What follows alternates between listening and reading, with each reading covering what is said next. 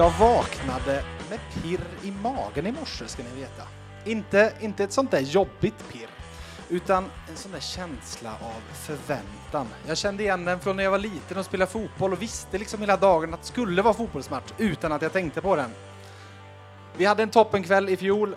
Jag hoppas att vi får det lika roligt i år. Med det sagt, välkomna till VF Hockey Live 2.0.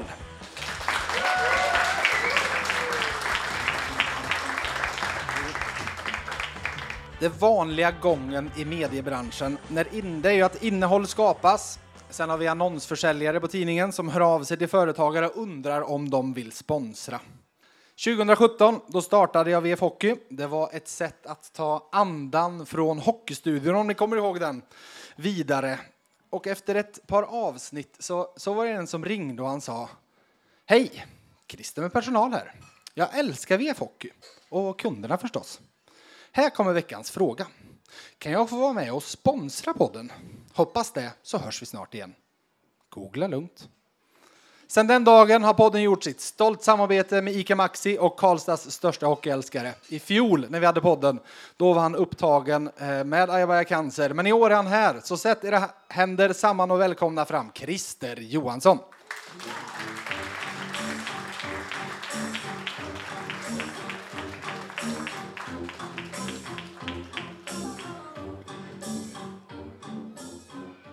Vi tar ett snabbquiz. Var det någon som kände igen gingen?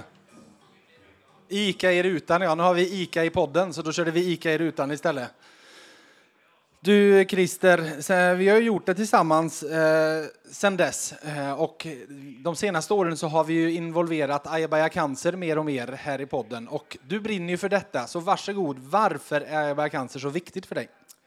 Um, ja, det är så här att vissa familjer drabbas ju av cancer Eh, och jag hade oturen att vara i närheten av en sån familj och det berörde mig väldigt, väldigt mycket. Eh, och när jag höll på och hjälpte den här familjen så kom faktiskt Ayaberg till mig och frågade om jag ville vara med i deras styrelse. Eh, och just för det här tillfället så kändes det ju helt rätt. Och Ayaberg Cancer jobbar ju för att se till att det finns en ljusglimt i vardagen för de här familjerna. Eh, och det försöker vi hjälpa till med helt enkelt. Så vi vill på något sätt göra deras vardag lite enklare men också en liten glädjeskutt någonstans emellan i det här tuffa livet de ändå har, de här barnfamiljerna. Ni hör, ni förstår varför jag är stolt över att vi via podden och via dig då kan bidra med pengar till Ayaberg Cancer i varje avsnitt. Och idag tänkte jag att vi alla ska hjälpas åt. Ni ser uppe på skärmen ett swishnummer till Ayaberg Cancer och vi har debut idag för någonting som aldrig har funnits innan. Vi har äntligen fått VF Hockey Merch. Äntligen, som ni har längtat, eller hur? VF Hockeykepsar som Karl, som redan har kommit hit, har redan börjat signera. Kommande gäster kommer också signera. Tio stycken eh, VF Hockey-kepsar. Där alla som swishar, Christer kommer gå runt här lite i lokalen, när ni visar att ni har swishat en summa till Aberga Cancer, då, eh, summan får ni välja själva, men swishar ni fem kronor då är ni för snåla. Men alla som visar att de har swishat kommer vara med i en utlottning där vi lottar ut de här tio kepsarna som blir signerade allihop. Så vi hoppas att många hakar på, eller hur? Ja, och fem kronor räcker gott det också. Man tar det man har helt enkelt. Det vore jättesnällt. Jag kommer runt... kronor tycker jag vi lägger minsta på. Min... Okej, okay? okay, okay. Eh, jag kommer runt med en, en liten eh, hockeyhjälm här och samlar in lapparna sen. Så att när ni ser mig i lokalen så hojta till om ni vill lämna en lapp. Och där skriver ni ert namn på så är ni med i utlottningen. Toppen, då säger vi tack till Christer. Stor applåd.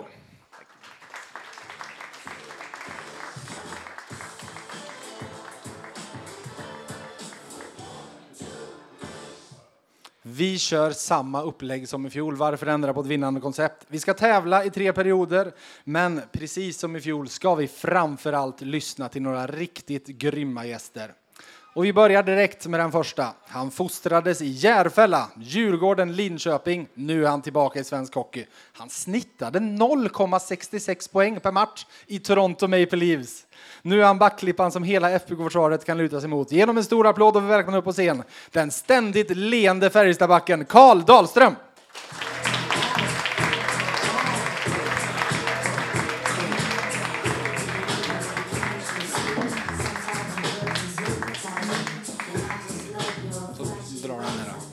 Dra den där. Så. Du, vi börjar väl med leendet. Är du alltid så här glad eller? Ja, men jag tror det. Eh, får tacka min mamma för det. Eh, jag har väl inte de snyggaste tänderna kanske, men eh, nej, men jag försöker alltid sprida glädje så gott det går. Mm. Och du ler ju faktiskt ganska ofta på isen.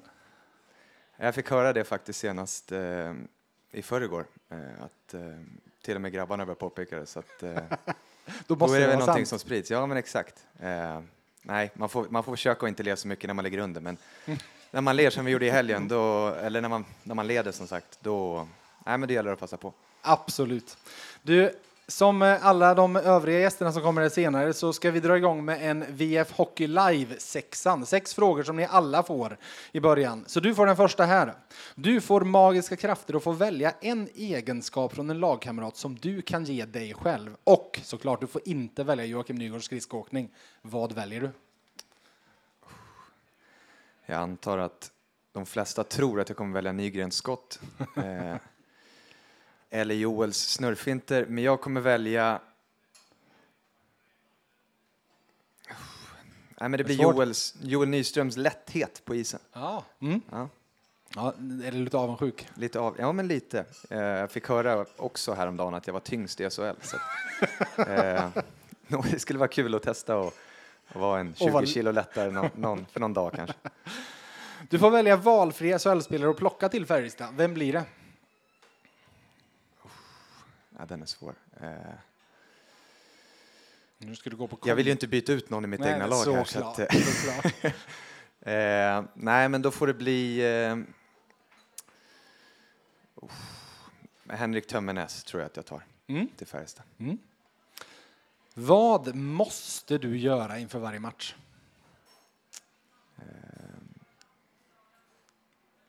Sova. Sova? Mm. Mm. Vi kommer nog tillbaka till det ska du se.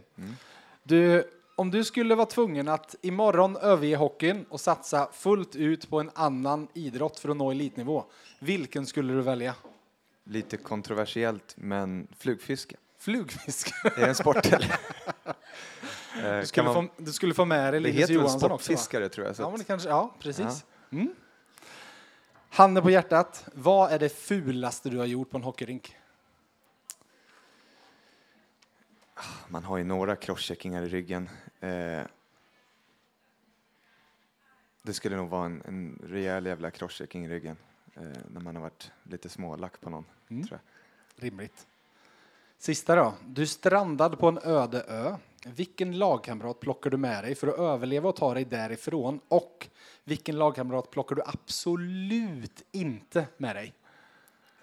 Jag kan ju börja med den som eh, jag tror, inte bara för att jag inte vill ha med, jag hade velat ha med Victor Ejdsell, men jag tror att han inte hade velat vara på en öde eh, för att jag vet att han, han är inte den där naturmänniskan som jag är. Eh,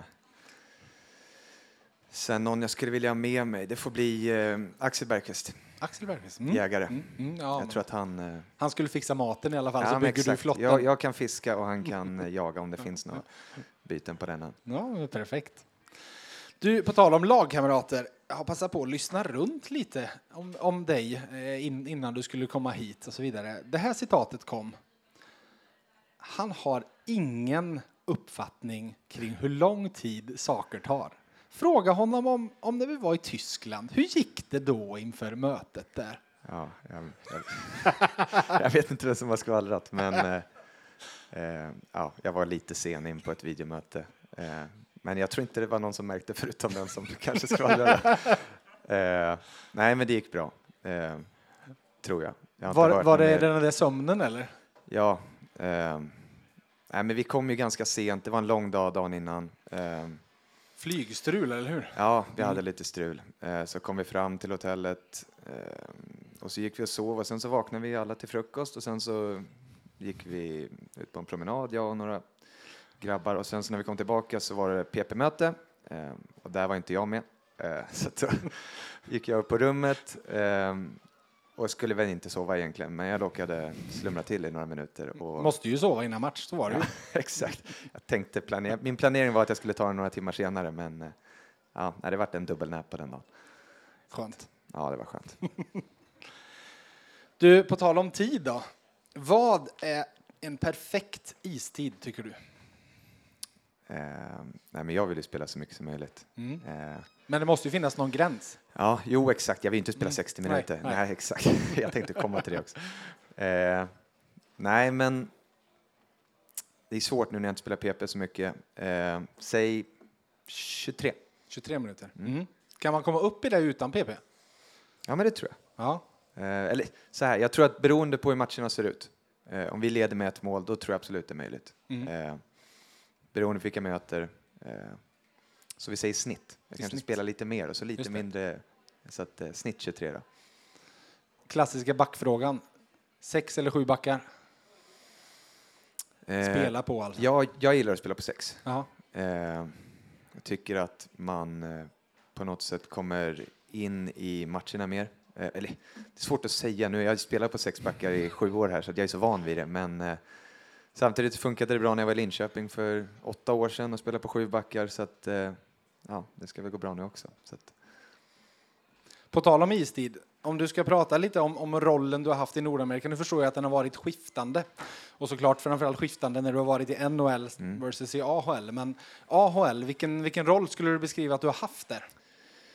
Nej, men det är mycket som du säger, det var väldigt skiftande. Ehm, och skiftande från vilket lag jag var jag också.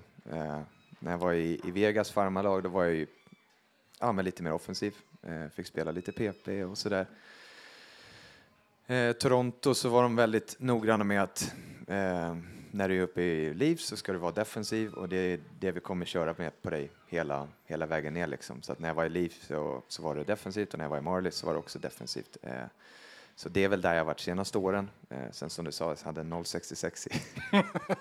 Han har alltså gjort poängsnitt. två poäng på tre matcher i. Toronto, så det är Eh. grymt snitt. Eh, nej, jag skojar bara. Men eh, nej, det, som du sagt, väldigt skiftande. Eh, men överlag så självklart mer åt det defensiva hållet. Eh, Chicago framför allt så var det ju nästan bara vart det defensivt TX fick jag hoppa in, vart det offensivt TX fick jag hoppa ut. Eh, och ja, fick spela mot de bästa eh, och försöka stänga ner dem så gott som möjligt.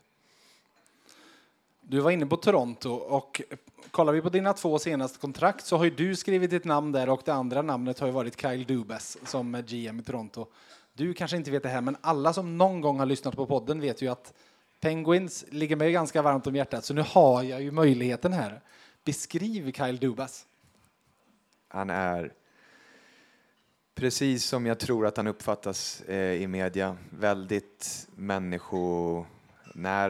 Eh, ganska o GM eller general manager-aktig om man ska vara så. Eh, ja, men väldigt mån om att du ska må bra eh, på och utanför isen. Eh, och ja, men rätt närvarande.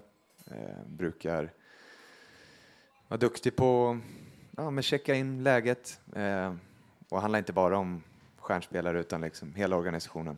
Eh, Men för det är det jag tänker på, för man, för man säger din roll som du hade i Toronto, vi kan väl grovt säga att du kanske var sjätte till tionde back eh, i, ett, i ett hack där, liksom Mm. Ja. strax, strax utanför tre, Mm. tre ordinarie backpar. Hur mycket liksom kontakt har man med en GM när man har, jag fattar ju att han, han och Austin Matthews pratar lite då och då liksom.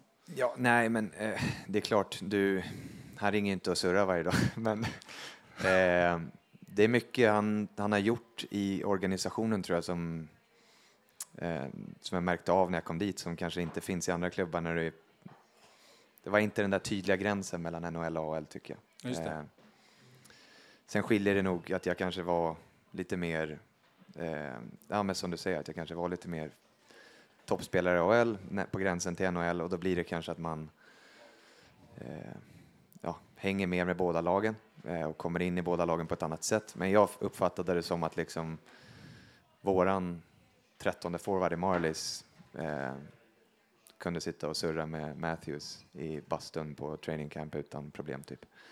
Eh, och det är ganska ovanligt. Mm-hmm.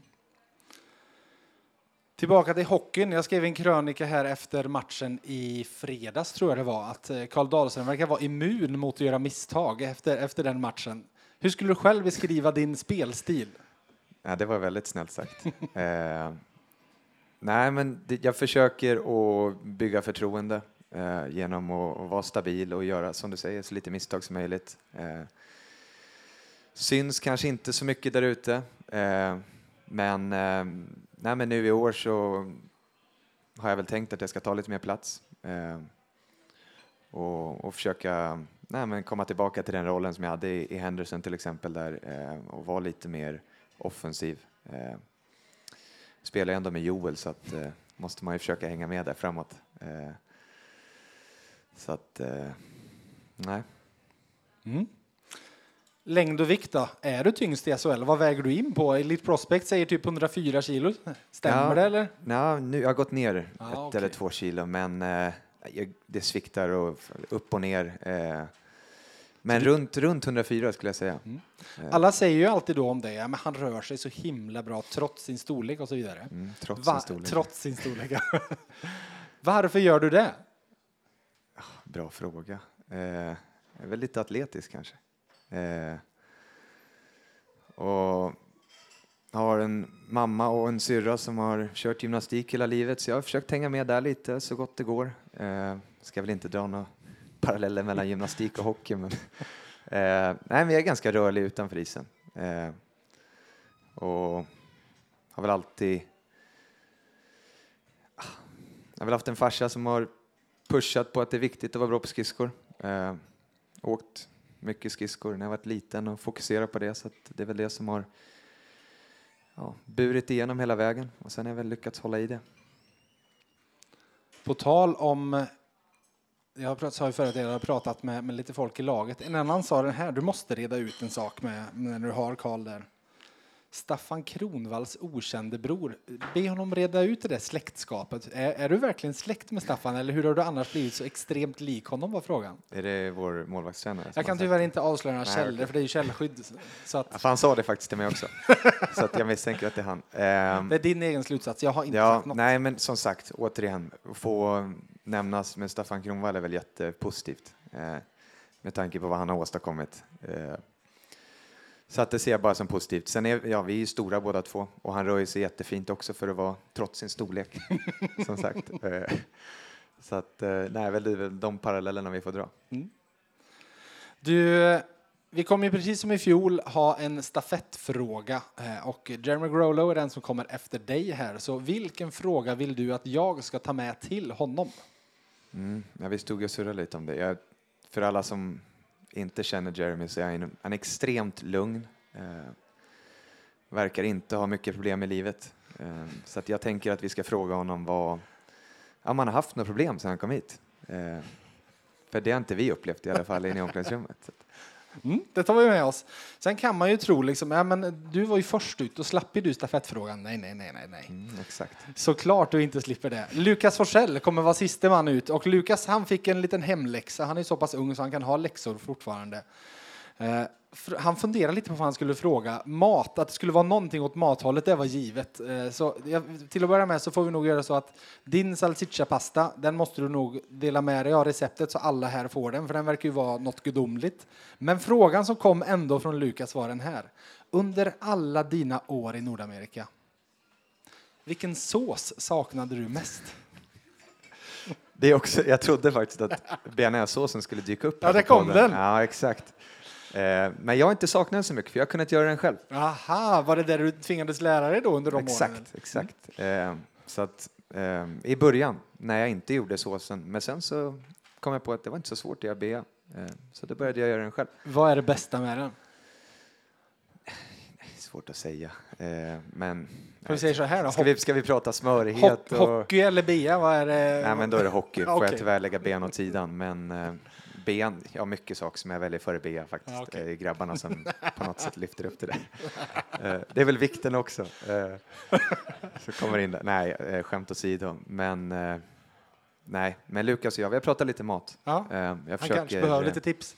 Ja, jo, men jag tror det med tanke på vad de frågor som han ställer till mig när jag ger honom recept och sådär. Så att, nej, jag sa till både han och Joel att jag skulle bjuda över dem snart. På de- rikt, riktig bea eller salsiccia-pasta? nej, men det då? blir nog en salsiccia-pasta Ja, okej. tror jag. Mm. Eh, bean, eh, den är ju så enkel att köpa här.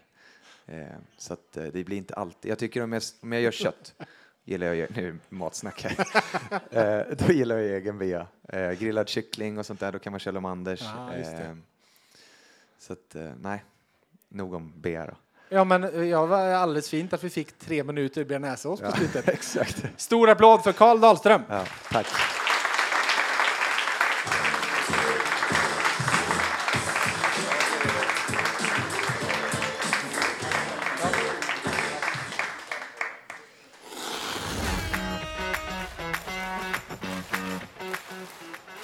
Hallå där!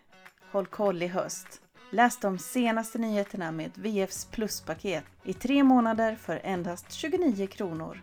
Med pluspaketet läser du alla nyheter på sajten och i vår nyhetsapp. Länken till erbjudandet hittar du i avsnittsbeskrivningen. Hörni, nu har det blivit dags för er att aktivera era hjärnceller för ni har en massa papper på borden. Nu ska vi börja att tävla. Välkomna till VF Hockey-quizet denna gång. Och alla som någon gång har lyssnat på podden, även om ni inte var här i fjol, så vet ni precis vad vi ska göra nu. Vi ska ut och resa och vi ska ha 8, 10, 6, 4 och 2 poäng på resan. Så jag tittar mig runt, alla ser väl ganska redo ut. Ni vet ju precis hur det är, svarar man fel då är det ju nolla. Så det gäller ju att få med sig poäng. Fina priser väntar i slutet på kvällen om, ni, om det går riktigt bra. Med det sagt, vi drar igång. På 10 poäng har bildat radarpar med He who must not be named. Hoppas nu få vara lagkamrat med Isbjörnskillen som är bäst av alla bildat radarpar med He who must not be named. Hoppas nu få vara lagkamrat med Isbjörnskillen som är bäst av alla. Där går vi ner till åtta poäng. Spelar nästan i A-laget på mer än ett sätt. Har en sambosärbo som gjort en rivalflytt över kommungränsen i 054-land.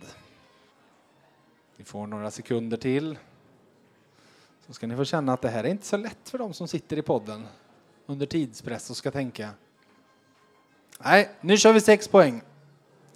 Så om ni inte har svarat på åttan så är det sexan som gäller nu.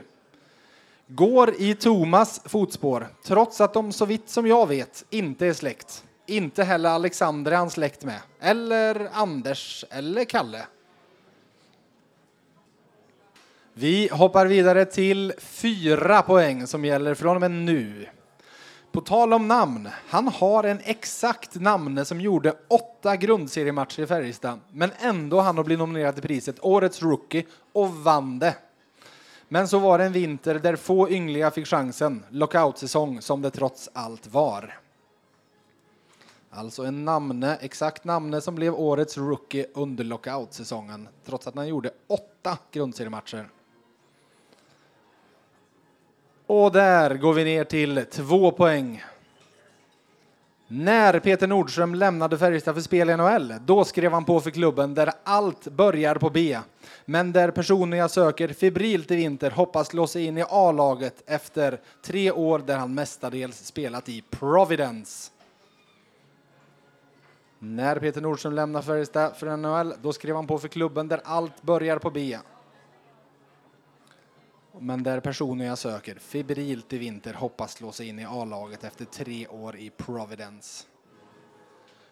Och där tror jag nog vi gör så här att ni får lägga ner pennorna. Har ni inte tagit det nu, då har ni inte tagit det. Vi gör som i fjol. Vi tittar på skärmen så kommer rätt svar där. Ja, ta en liten applåd. Oskar Sten, rätt svar.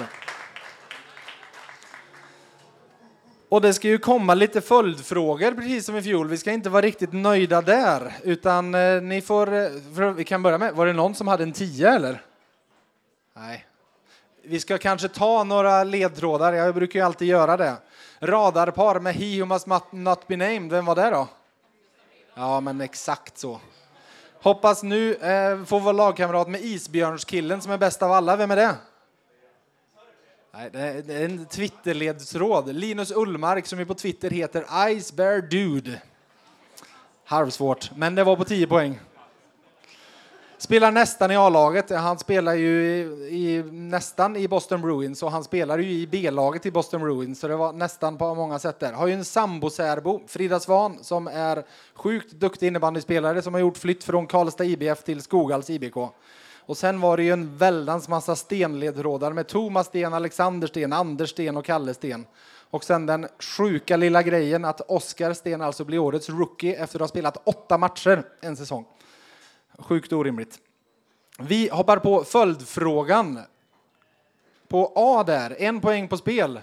Vilken är Oskar Stens moderklubb? Och så läser jag fråga två så kan ni fundera på, på båda frågorna. Färjestad toppar ju SHL slash elitseriens maratontabell. Oskarstens andra svenska klubb, Björklöven, ligger på 18 plats. Uppe i toppen så har Frölunda nu faktiskt gått förbi Djurgården upp som tvåa. Men Djurgården är fortfarande trea och Brynäs är fyra. Nämn fyra av de sex lag som ligger femma till tia i SHLs maratonliga. Fyra av de sex lag som ligger femma till tia i maratonligan. Ja, en regelfråga. SHL slash elitserien. Ja, så att högsta ligan i Sverige. Och pennorna ner där. Då har ni svarat klart. Vi börjar med den första frågan då. Ta det i kör. Vilken är Oskarstens moderklubb? Forshaga. Helt rätt. Sen då, nu kan det ju vara ganska många svar, men eh, vi, så jag tror vi struntar i att ni ska skrika dem i kör för att det kommer bli en kakafoni utan dess like. Det lag som ligger femma i SHLs maratonliga är Luleå. Så ni som har Luleå har rätt poäng där. Sexa ligger HV 71. Så poäng även där, ni som har HV med. Sjua är Modo. Åtta är Skellefteå. Som har gått starkt ett många år nu. Nia, kanske den som överraskade mig mest här, Linköping. Vi kan väl säga att det är bra att ha varit i SHL många år där det är 52 omgångar när det gäller att samla poäng. Men tia, kanske inte lika oväntat, men där har vi Leksand. Så Luleå, HV, Modo, Skellefteå, Linköping och Leksand. Och eftersom jag förstår att det finns lite folk som har svarat lite andra lag så kan vi säga nu är det några som inte ger poäng, men där ni får reda på lite facit. 11 var Malmö, 12 AIK, 13 Timrå, 14 Södertälje, 15 Växjö, 16 Rögle och Örebro på 17 plats innan vi då hade Björklöven 18. Sen kan vi sluta. Så rätta era poäng och så är vi klara därmed med den första perioden av tävlingen.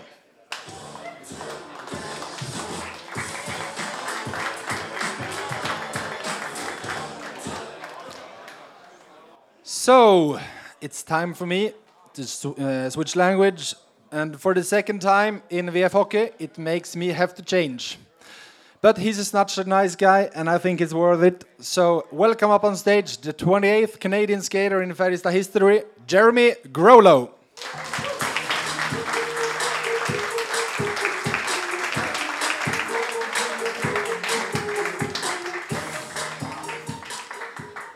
So, so let's let's take the name first off because I mean everyone. Before I, I interviewed you, just when you came, and you uh, said the correct pronunciation is Grolo. Yep. But I mean, everyone wants to say it's Grolo. Nope, unfortunately in English it's Little Grollo. closer. Oh, sorry. Yeah, uh, no, in English you'd say Jeremy Grollo. Um, actually, in French you roll the R's a little bit more. It would be Jérémy Grollo. But other than that, uh, yeah, that's that's pretty much how it sounds. But you feel like you, it's Grolo. That's Uh, the right uh, one. Yeah, I mean, it sounds better to my ears, but I'm getting used to it a little bit. Um, I hear it around, and obviously, you know, I'm just getting comfortable to the whole language and the whole thing. So it's kind of funny to just hear my name differently, but it, it's good, yeah. I'm going to start with you uh, the same way I started with Carl, with the six short questions in the beginning. Uh, you get superpowers, and you can pick one quality from your teammates that you can uh, adapt on yourself. You cannot choose the skating of Joachim Nygård, but which quality would you choose? I can't choose what, sorry? The, the skating of Joachim Nygård. Oh man, that's uh, obviously the one I was going for. um, ooh, good question. Uh, probably the passing of uh, Tomas Tomaszek. Tomaszek. Yep. Yeah. Mm. You can pick one SHL player from another team and bring him to Färjestad. And this is kind of a hard question for you, who, Um, who almost haven't, haven't played. But do you have one? I do not. I unfortunately do not know any other players. Uh, on, I knew Max, but Max is on my team, so I can't really give that one anymore. But uh, yeah, no, I don't know any other players, unfortunately. Uh, In the preseason games, you haven't uh, played against anyone you thought, oh, he's a good one. But maybe you don't know his name. Uh, no, I do not. I was more so focused on our team. I thought uh, they, they were pretty impressive to me, so that's what I was more so looking at for sure. Okay. What do you have to do before every game? Ooh, I kind of have my routine. I think uh, I try to stick to it as much as possible. Obviously, getting here was uh, a little different. Guys do things differently, and uh, you know, for me, it's more so a timing thing where I'm gonna have lunch at a certain time, and then I'm gonna go for a nap at a certain time. I have a dog, so I have to walk my dog at a certain time, and uh, usually I just try to, you know, I don't want to over focus on that thing because if I can't do it, then unfortunately I'm gonna, you know, it's gonna go bad. But um, yeah, no, it's just a timing thing. So I just try to do my routine, and then when I get to the rink, it's always the same thing. Always uh, show up at the rink, change real quick, do my stick first, and then I can have my cup of coffee. I know here it's a big thing drinking coffee. There's not as much sun as I'm used to uh, during the season, so I'm gonna get used to that. But um, yeah, that's pretty much it. If you had to, starting tomorrow, give up hockey and start a career and try to be at reach the elite level in another sport, which sport would you choose? Probably f- for you, it's football. Probably Yeah? football. Yeah. Yeah. Um, just you know. You the- played back at home. I have played when I was a kid a lot more. Yeah. Um, obviously, I grew up in Europe, so that was also a big part of, of my lifestyle. Sure. But yeah, so f- football was was huge. Um, and yeah, I unfortunately had to stop at some point. But if I had the chance to, to change it over, I would probably go for that. Obviously, I think uh, chances are very low, but uh, you know, I'd probably do that. Which position? Uh, I'm usually a midfielder, but Yeah? you know, I'm I like to think that I'm vol- versatile and I just like to play around. But uh, yeah, midfielder for sure. Okay, Jeremy, let's be honest now. What's the ugliest thing you've ever done in a rink? Ooh, uh, ugliest thing I've ever done in a rink.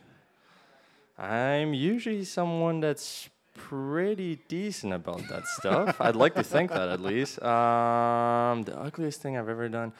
I think it's just pranks. I think it's just for, for us back home uh, in in um, North America, I'd say in general, uh, guys are pretty big on pranks. So if it's your birthday, uh, you like to mess around, show up early at the rink, and uh, I remember one. I thought it was a pretty funny idea. It didn't turn out to be such a good idea. Um, I bought a fish um, the day before his birthday, and I put I waited so he was gone from the rink, and I put it in his stuff, and I taped everything like all his gear together, and put the fish in the middle of it. And I was like, okay, we'll see how it goes. But yeah, it, it stank in the whole locker room the whole day, and uh, yeah, not only was a player not too happy about it, but you know, just the whole staff was like kind of mad about me. But um, yeah, I think that would be probably the, the ugliest thing. It was pretty funny. They let you play the next game? or- They did, yeah, Yeah? they did. But uh, they they asked me to wash his stuff first, so I had to put it in the washer, and then yeah, I took care of it. The last one then. Uh, if you're stranded on a desert island, which teammate would you choose to get the best chance to survive and get out of there? And which teammate would you absolutely not choose to bring with you? Ooh, uh, I think Negren is probably one of those guys that I'd like to be on there. Um, I feel like he's someone that knows a lot of stuff, and you know, I'm still learning all the you know the qualities of every guys and stuff. But I feel like he's one of those guys that you know he he'd probably have a trick or two to survive out there. And to not have with me, um, I would probably go with a guy like Max, I guess, uh, just because he's lazy and he'd probably just watch me do everything. And uh, yeah, that would probably be it. Okay, so the lazy legacy. Yep. Don't don't tell him I said that. Don't, don't tell him that No, one. uh, uh, we're recording. yeah, I know, but we'll see. He's gonna. I'm gonna tell him. Ah, never mind. Video Never didn't mind. work. No, it's uh, you don't, can watch don't it. listen. Okay, Yeah. yeah, for sure. So I sat down with Richard Wallin last week. He told me a story about how you ended up uh, in Färjestad as the last signing before the season, and he said that he thought that maybe you were quite surprised that they showed interest. Were you? Yeah, I definitely was. Um, obviously, for me, Europe wasn't necessarily on my mind quite yet. Um, I think that in our mentality back in North America, you wait a little longer. You come maybe more towards 26, 27 year old. Um, and obviously, I was kind of really focused on the whole North America league, AHL, and NHL. Obviously, I was coming out of a NHL contract, and I was kind of looking around for that. And uh, my agent, how it works for us is that I'm in a pretty big agency, and they have like a meeting in Los Angeles um, every summer. And uh, he went there, and he came back, and he was like, "Oh, by the way, like there's a team in Sweden that's really interested." And in my mind, I was like, okay, like that could be like a good plan B or whatever. And then like he told me the team, and I was like, wait a minute, like I feel like I've heard like the team before. Like what is this? And then obviously I'm practicing with a couple guys back home that plays in Europe too, and I told them about it, and they all like their eyes just sparked up, and they were like, oh my god, this is like a really good like organization. This could this could be really good for you. And um, obviously I talked to Valin after, talked to the, the coaching staff, talked to a couple guys, and um, you know they made me feel comfortable to come in pretty early and. Uh, obviously, I was not expecting it, not at all. But uh, at the end of the day, I'm, I, I took the decision to come, and I, I can't say that I regret it whatsoever. It's been amazing so far every single day I've been here. So, um, yeah, I'm just looking forward for the season now. Many people here talk about uh, North American guys and saying, I mean, as you said, most of them wait until they're 26, 27, or maybe uh, like max 30 years old before they try something else, and they almost get stuck in this AHL. Oh, yeah. Uh, do you think that uh, after coming here, guys tend to wait a little bit too long to try it? I think so. Although I think what scares players over there is that they're not aware of the leagues necessarily. So for me, it was kind of the same thing where I was like, okay, like Sweden, like what kind of league is this? And I was told that if there's like pretty much like two leagues that I, I'm my age, I would really want to go. It was probably here, well, actually three, I would say. It would be in Sweden, it would be Finland, and Germany. Those were like the three main ones. And I think that it's not all the players that are told uh, about those leagues. So I think that's kind of the problem. And um, I think there's guys that do tend to stay a little too long in, in North America for sure to, to, to make the switch.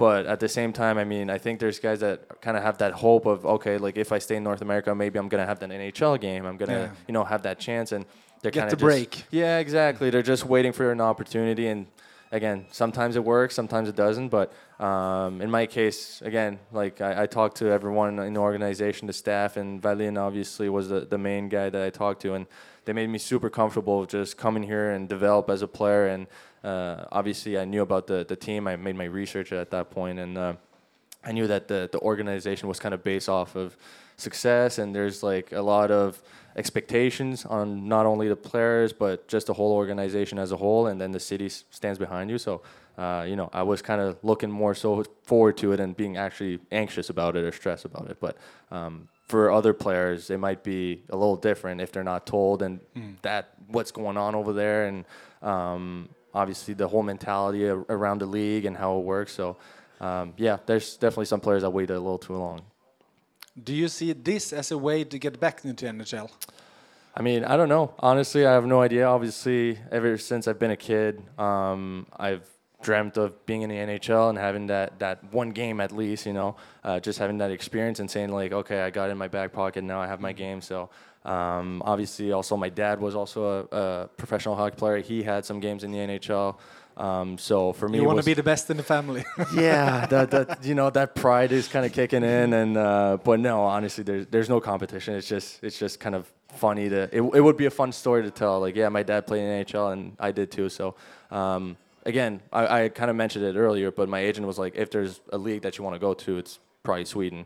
Um, and your, da- your dad never made it to Sweden. So he never made it to Sweden. No, but he left. He left later. He went to Germany first, and uh, then yeah, he just wanted to kind of hang around, and obviously he loved the lifestyle around uh, Europe and all the the stuff. But he came here. When was it? Like a week and a half ago, maybe two weeks, just to spend uh, a couple days with me. And he actually ended up doing a trip with us uh, to Germany because he Oh. also had his uh, event in Mannheim uh, on September second, where he played um, for four years.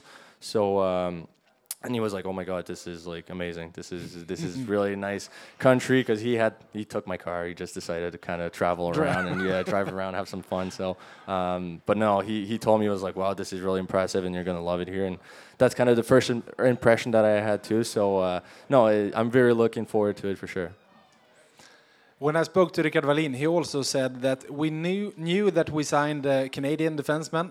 We didn't know that we signed a 40 kilos uh, kilo wolf. yep, yep, my dog, yeah. But, uh, his name is Bauer, which is kind of ironic because I'm a hockey player, but I'm not the one who chose the name. Um, but yeah, uh, he's a white Swiss Shepherd. He's 40 kilos, and he has a lot of energy. He's a year and a half, and he takes a lot out of me, a lot of my time. But uh, no, he's it's great, and that was kind of the problem. The, the the biggest issue for me was bringing him here because obviously it's not like just a dog that you bring in your bag or whatever. Um, so that was a big, a, a little bit of a trouble. But now he's here, and I think he's happier than ever, and uh, he just loves it here. He loves, you know, I found a doggy daycare and all that stuff. So uh, no, he's living his best life right now. Uh, uh, one of your teammates told me that I, he thinks this is the first time he's had a teammate who's living by himself in a different country and brings a dog. Yeah, well, what? How did you solve the yeah. situation? I mean, you went to Norway and Germany and stayed away for a couple of days. Yeah, well, it's, I know I've noticed that too. Like when I was telling guys, like, yeah, like uh, I'm gonna bring my dog, and they were looking at me like, wait a minute, so your girlfriend's coming? Like, what's going on? I was like, no, no, no, I'm gonna be alone. And but back home, it's actually a big thing. Um, back in North America, I, I remember when I was playing in the AHL, a lot of players had dogs, even the ones that were living by themselves. Maybe not a 40 kilo one. That's kind of a mistake on my part. But uh, yeah, no, it's it's just one of those things. Uh, guys kind of to get away from the rain, kind of the, the whole hockey mindset all the time in your head. They they get dogs, and that's how they kind of go away from it a little bit. Um, which I also obviously did, um, which is not a mistake. I'm pretty happy about it. I wasn't expecting to come to Sweden right away, so that kind of made it complicated. But um, no, it's been it's it's been great. At the end of the day, he's here, and you know, it's guys are a little worried at, at times. They're looking afraid? At, yeah, they're a little afraid of like what is going on here. But uh, yeah, no. Again, I, I found a place for him, like a dog hotel. So when we left on the trip that you were talking about, Okay. I just dropped him off there, and it was super easy. And he was kind of sad to actually come back to my place. uh, yeah, he loved it so much. So uh, no, it, it's pretty easy. It's good. Ah, okay. So I like quizzes. I love them. And uh, when we talked in Strömstad after your, I think it was your first game, Yep. uh, you said that, uh, I'm going to be honest, I don't know the name of all the guys here yet. I do not. Uh, and you said that you were going to study. So, I did this is your exam. I did not this do is my your studying. exam.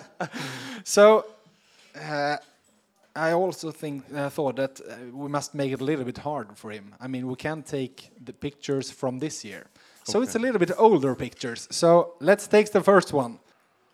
Oh my god.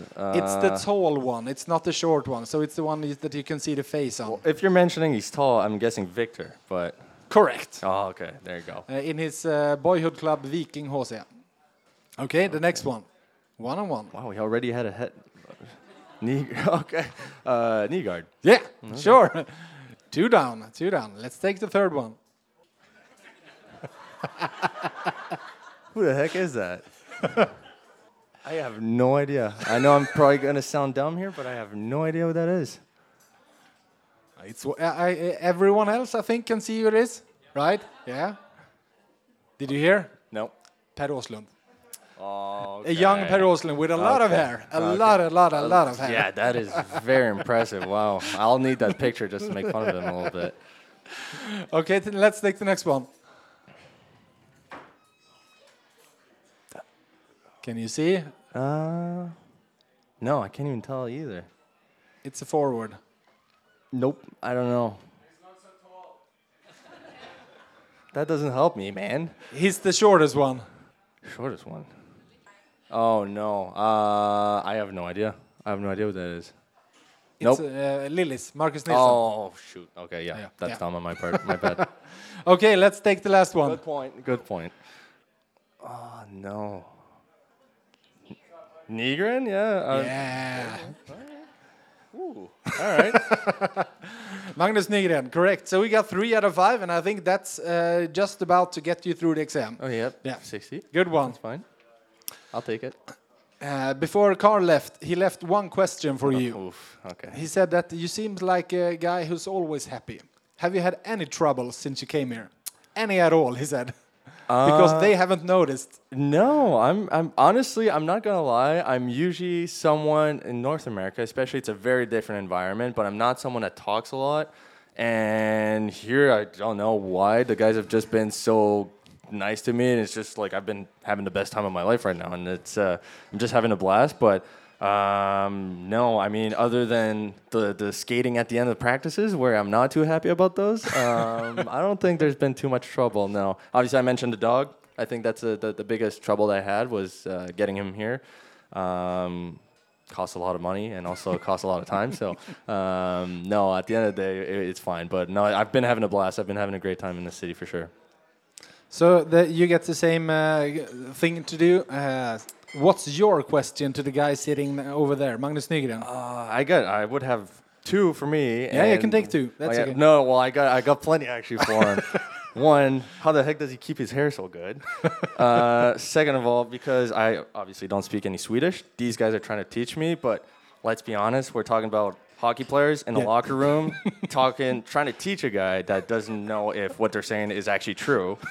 So I'm trying to know if what they're telling me is actually the truth. If Yeah, it's, or if uh, they're just fooling you. yeah, exactly. Because I might just walk in in public and at some point and try something, they're gonna look at me like, "What? What did you just say?" So, if he's actually telling the truth, but uh, no, for you guys, it'd be probably just why did he come uh, back overseas? Uh, I think that's a that would be a big one. Probably just personally his career, what where he was at. That that'd be pretty interesting. Why he went back to Europe Yep. after in Montreal? Exactly. Yeah. Yep. Yeah. So I think that'd be interesting.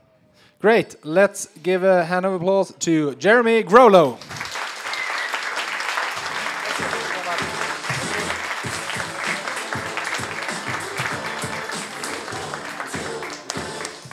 Och där har ni fått suttit och vilat nog för nu ska vi såklart tävla igen. Det är dags för den andra perioden i tävlingen och ni vet ju precis hur det går till. Så jag tycker att Kalle får dra igång lite musik och så kommer vi på 10 poäng. Hamnade absolut inte i ingenmansland utan snarare riktigt högt, högt upp då han rankades på plats 16 på VF-sportens FBK Topp 90. Precis före Carl-Johan Sundqvist, precis efter Jonas Frögren. Alltså absolut inte ingenmansland utan snarare riktigt högt upp då han rankades som 16 på VF-sportens FBK Topp 90. Precis före Carl-Johan Sundqvist, precis efter Jonas Frögren. Där går vi vidare till 8 poäng. Denna värmlänning nådde hela vägen till Tre Kronor, men han spelade faktiskt bara för tre klubbar i karriären. Munkfors, Grums och Färjestad. Det finns vissa glädjetjut på vissa håll. Vi går vidare till sex poäng. 133 mål på 339 matcher. Med andra ord en riktig målskytt som under 11 säsonger i Färjestad blev svensk mästare tre gånger och spelade ytterligare fyra finaler.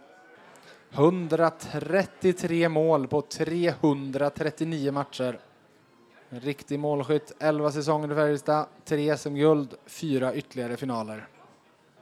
Vi går vidare till två poäng. Nej, förlåt, helt rätt. Tack. Jag är snurrig. Fyra poäng. Han var tredje länk i en av de mest klassiska formationerna med två av Färjestads största, Håkan Loob och Thomas Rundqvist.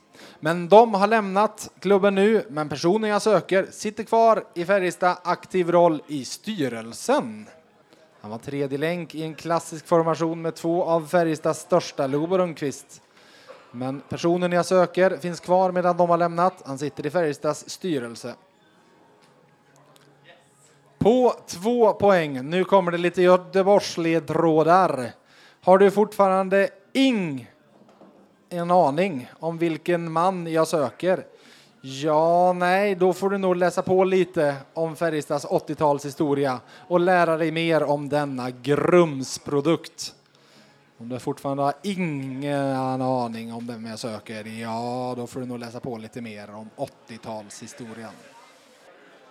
Jag tycker höra mig på sålet att de flesta har svarat, så vi gör så vi tittar på skärmen så kommer rätt svar där nu. Där har ni det. Det är alltså inte Challe Berglund till vänster utan Jan Ingman som har rätt svar. Hade vi en tia?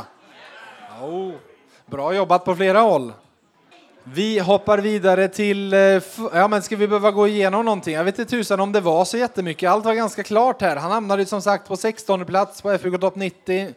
Han jag vände ju på lite ordning på klubbarna för det var ju Grums, Färjestad, Munkfors och sen jag tror han var i Grums igen på slutet. Och sen som sagt en riktigt fin FBK-karriär med sju finaler på 11 säsonger.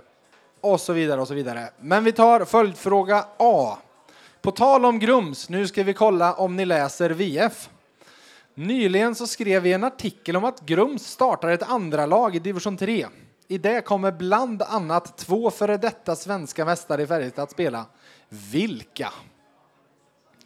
Två före detta svenska mästare i Färjestad kommer att spela i Grums andra lag i Hockeytrean kommande säsong. Vilka två handlar det om? Och jag läser fråga två också. Nej, ja men precis. Den ska vi ju göra så här. Vi tar den nu och så får ni totalt en minut på er. Jan Ingman är åtta genom tiderna sett till mål i Färjestad. Vilka sju är före honom? Ska vi börja med att vi tar lite gasta ut i lokalen med vilka två SM-guldvinnare? Får vi börja med han som är center? Är det någon som har koll på den? Per Bäcker och han som var högerfattad back då, vem var det? Leverström hade vi där bortifrån. Erik Leverström och Per Bäcker kommer båda spela i Grums 2 kommande säsong. Sen då? Nu kommer jag att rabbla dem och så får ni helt enkelt se hur många rätt ni får. Ja, har ni inte med Håkan Loob, då kan ni, då kan ni nästan gå hem nu, tror jag. Han är såklart etta, 276 mål. På andra plats, 199 mål. Jörgen Jönsson ger poäng också. På tredje plats, på 181 mål, Pelle Prästberg ger poäng. På fjärde plats, på 173 mål, Thomas Rundqvist ger poäng. Därefter så har vi på 170 mål, Per Åslund.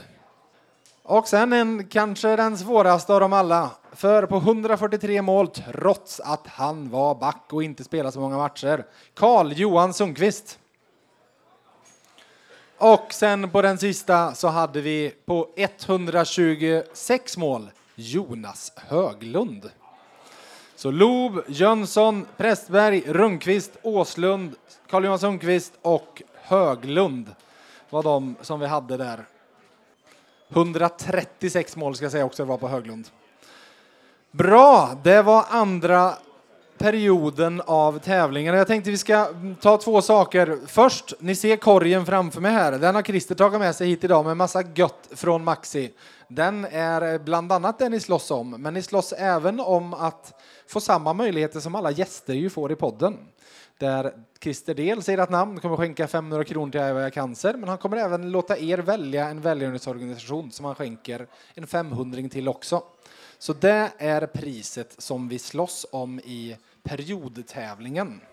Upptäck ett fulladdat erbjudande på Kia Ceed Sportswagen Plug-in Hybrid. En säker och laddbar familjekombi med uppkopplade tjänster.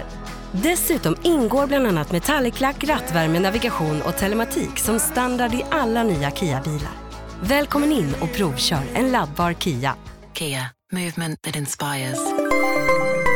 Vafa bil, din bilaffär och A-bilar i Arvika. Med det sagt så går vi vidare mot gäst nummer tre.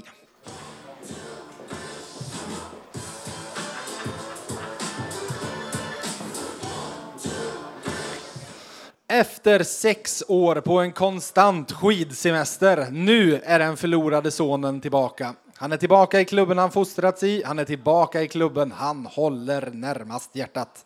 Ge honom nu en varm applåd och vi välkomnar tillbaka till Karlstad, tillbaka till VF Hockey.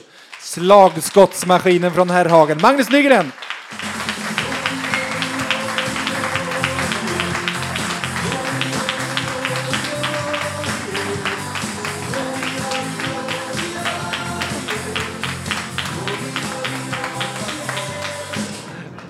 Vad är den här trudelutten vi fick lyssna på nu, vad är det vi lyssnar på Magnus? Eh, ja, för det första är det ju våran, eller våran, Davos gamla eh, omklädningsrumslåt efter eh, vinstmatcher, ja, matcher vi har vunnit. Deras torparock. Ja, lite så. Eller mer så intern i omklädningsrummet. Mm. Sen så sprang jag och gifte mig i somras och då hade vi en viss DJ som står inte allt långt ifrån här. Och då är det väl någon som har lurat i han att det skulle vara ett tema genom hela kvällen. Och det var det. Så nu betyder den ännu mer faktiskt. Det är Så- kul att den, den verkar sitta på någon annans näthinna också. Ska vi avslöja något då? Om Eh, låten? Ja, ja men det, om jag lyckas bli skjuten på och att jag får det målet i vinter så är det väl den här som kommer spela som jag fått det förstått också. Ska vi ta den igen, Kalle? Ja, kör målversionen.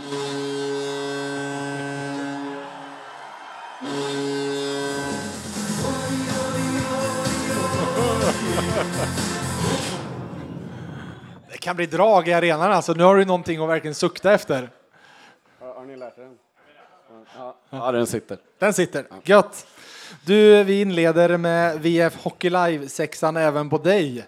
Du får magiska krafter och får välja en egenskap från en lagkamrat och ge till dig själv. Och du får precis som tidigare gäster inte välja Joakim Nygårds skridskoåkning. Vad väljer du? Ehm, ja, då skulle jag vilja vara lika arg som Björka. Du som har känt honom hela livet, han har alltid varit så här arg. Ja, Ja, ingenting har ändrats. ingenting annat. Du får välja valfri SHL-spelare och plocka till Färjestad. Vem blir det? Eh, oj. Eh, jag tar väl någon dålig back då, så att jag fortfarande får spela.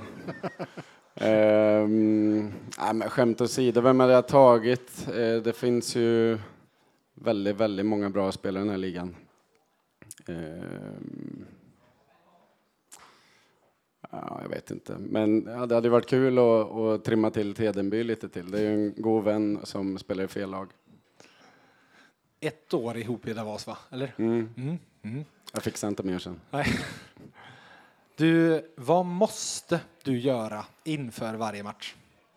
Eh, Jag måste vara själv lite grann. Eh, Även om jag har full respekt för både fru och barn så vill jag gärna ha någon timme själv och gå in i, i, i det som komma skall lite grann. Och, ja, det är väl egentligen den enda rutinen jag har kvar sen, sen vi blev en familj, liksom, eh, sex år sedan. Så då, man, mycket förändras ju och man kan inte leva kvar i livet man levde innan barn och sådär. Så att, Typ inga rutiner är kvar, men att få vara någon timme innan avfärd till hallen, få vara själv då liksom inte behöva springa efter något annat liksom. Om det är möjligt såklart, så är det det som är viktigt för mig. Om du skulle satsa på att nå elitnivå i en annan idrott från och med imorgon, vilken skulle det vara? Eh, man kanske blev kusk då. Har du någon kompis som skulle kunna ge dig ett och annat tips? ja, eller? kanske. I och för sig Har du någon fars- talang då? Du måste ju ha testat. Alltså, du är ju bra kompis med Björn Goop. Har du testat liksom och suttit bakom och så vidare? Ja, jag är så förbannat allergisk så det blir liksom ingen bra reaktion. Men eh, Men ändå skulle du välja det alltså? Ja, jag vet inte. Det finns ju tabletter att ta ja. på. Nej, men jag vet inte. Eh, Men farsan ringer ju fortfarande efter matcher och säger att ja, synd du valde hockey för det hade blivit bättre i fotboll. Ja, det är så. Så att, sen vet jag inte om han tycker att jag är helt värdelös på isen. Det är kanske det han menar. Eller att han tyckte du var sjukt talangfull som Ja. fotbollsspelare. FBK fotboll går ju för övrigt jävligt bra. Ja, det gör de. Sjukt glädjande. Mm. På väg mot division 1 fall de håller i det. Ja. ja, vi får se. Men det, var, det, är, det är mitt lag, Mm. fotboll så. Så att det höll vi på att härja länge, både jag och Björka. Precis. och redan Ja, då var han arg. Han som målvakt va? Ja, mycket arg målvakt. Mm. Handen på hjärtat då. Vad är det fulaste du har gjort på en hockeyrink? Um, ja, men jag hade väl någon tackling mot Modo eh, när jag var yngre som inte var så bra. Eh, som renderade i någon i hjärnskakning och avstängning och lite sådär. Generellt är jag väl ingen eh, så ful spelare som vad som syns i alla fall, men, men det var ingen bra tackling och den eh, fick jag sitta vid sidan av för också. Så det är i alla fall något jag kommer ihåg att, att det, liksom, det kändes inte bra på något sätt. Så att, eh, ja, kanske det då. Sista då. Du är strandad på en öde ö. Vilken lagkamrat plockar du med dig för att överleva och ta dig därifrån? Och vilken lagkamrat plockar du absolut inte med dig? Eh, ja, men jag tar inte med mig Nygård. Eh, ja, men bara för att han inte kan så mycket. Och så tar jag med mig Björka. Ja. Eh, Så han kan sitta och vara arg. Ja, han Eller så- kan ja. han kanalisera han är också till- jävligt bra på att släppa saker och Ja, gå vidare. Liksom. Man kan vara arg i tio sekunder och han normal sen. Lite mindre arg. Nej, men eh, han är sjukt händig, Eh, ruggigt målmedveten och eh, han får ofta igenom eh, eh, tankar och idéer och han får saker och ting gjort. Jag vet inte hur mycket han håller på att plocka på det där huset. Han har mer eller mindre slått ihop själv ute på Hammarö och det slutar liksom aldrig eh, med projekt. Så att, eh, han är jag imponerad av faktiskt. Så att jag, ja, han hade nog ryckt med mig faktiskt. Och så känner jag ju sen, sen han var liten så jag tror vi hade behövt det där om man ska nu stranda någonstans. Mhm.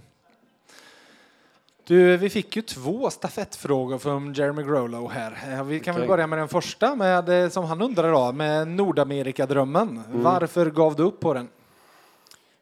Ja, men det är ju för att ja, han är ju fransk-kanadensare. De är ju inte helt lätta att eh, tas med.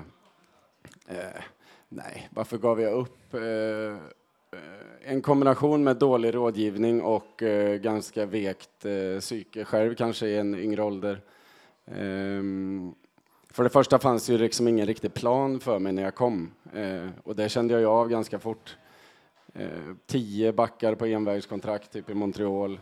Eh, så fort, eh, eller ja, jag spelade bra i farmarligan till en start och alla andra typ blev uppkallade. Så att för mig kändes det som att jag bara förlorade massa tid ungefär. Och, och jag fattade ju senare att det inte var så, men de var väl heller inte jätteledsna när jag stack hem heller, för då kunde de satsa på de som var eh, för stunden sämre, men högre eh, draftade, som alltid har betytt extremt mycket i just Montreal.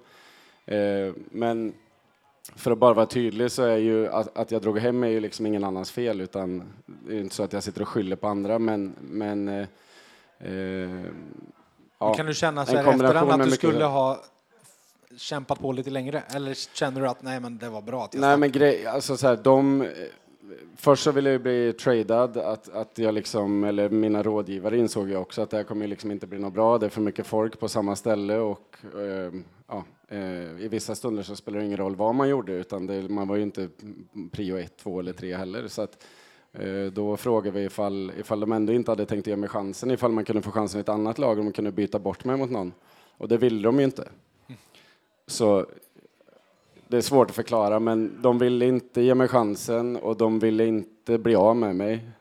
Och sen hade jag mycket skador under de åren eh, och när jag fick min eh, dåliga hjärnskakning då och missade en hel säsong så kände jag att nu skiter jag i det och så åker jag hem och börjar om för att ja, jag tror jag hade ett missat samtal från, från klubben under de sex månaderna jag låg skadad där borta. Så att det var inte så att de brydde sig så mycket om mig heller utan att jag drog hem till slut, eh, ja, det var nog skönt för alla liksom. Eh, och ville de ändå inte hjälpa till och få mig därifrån så tänkte jag bättre att dra själv. Och, hit var jag ju välkommen så det kändes lika bra som nu.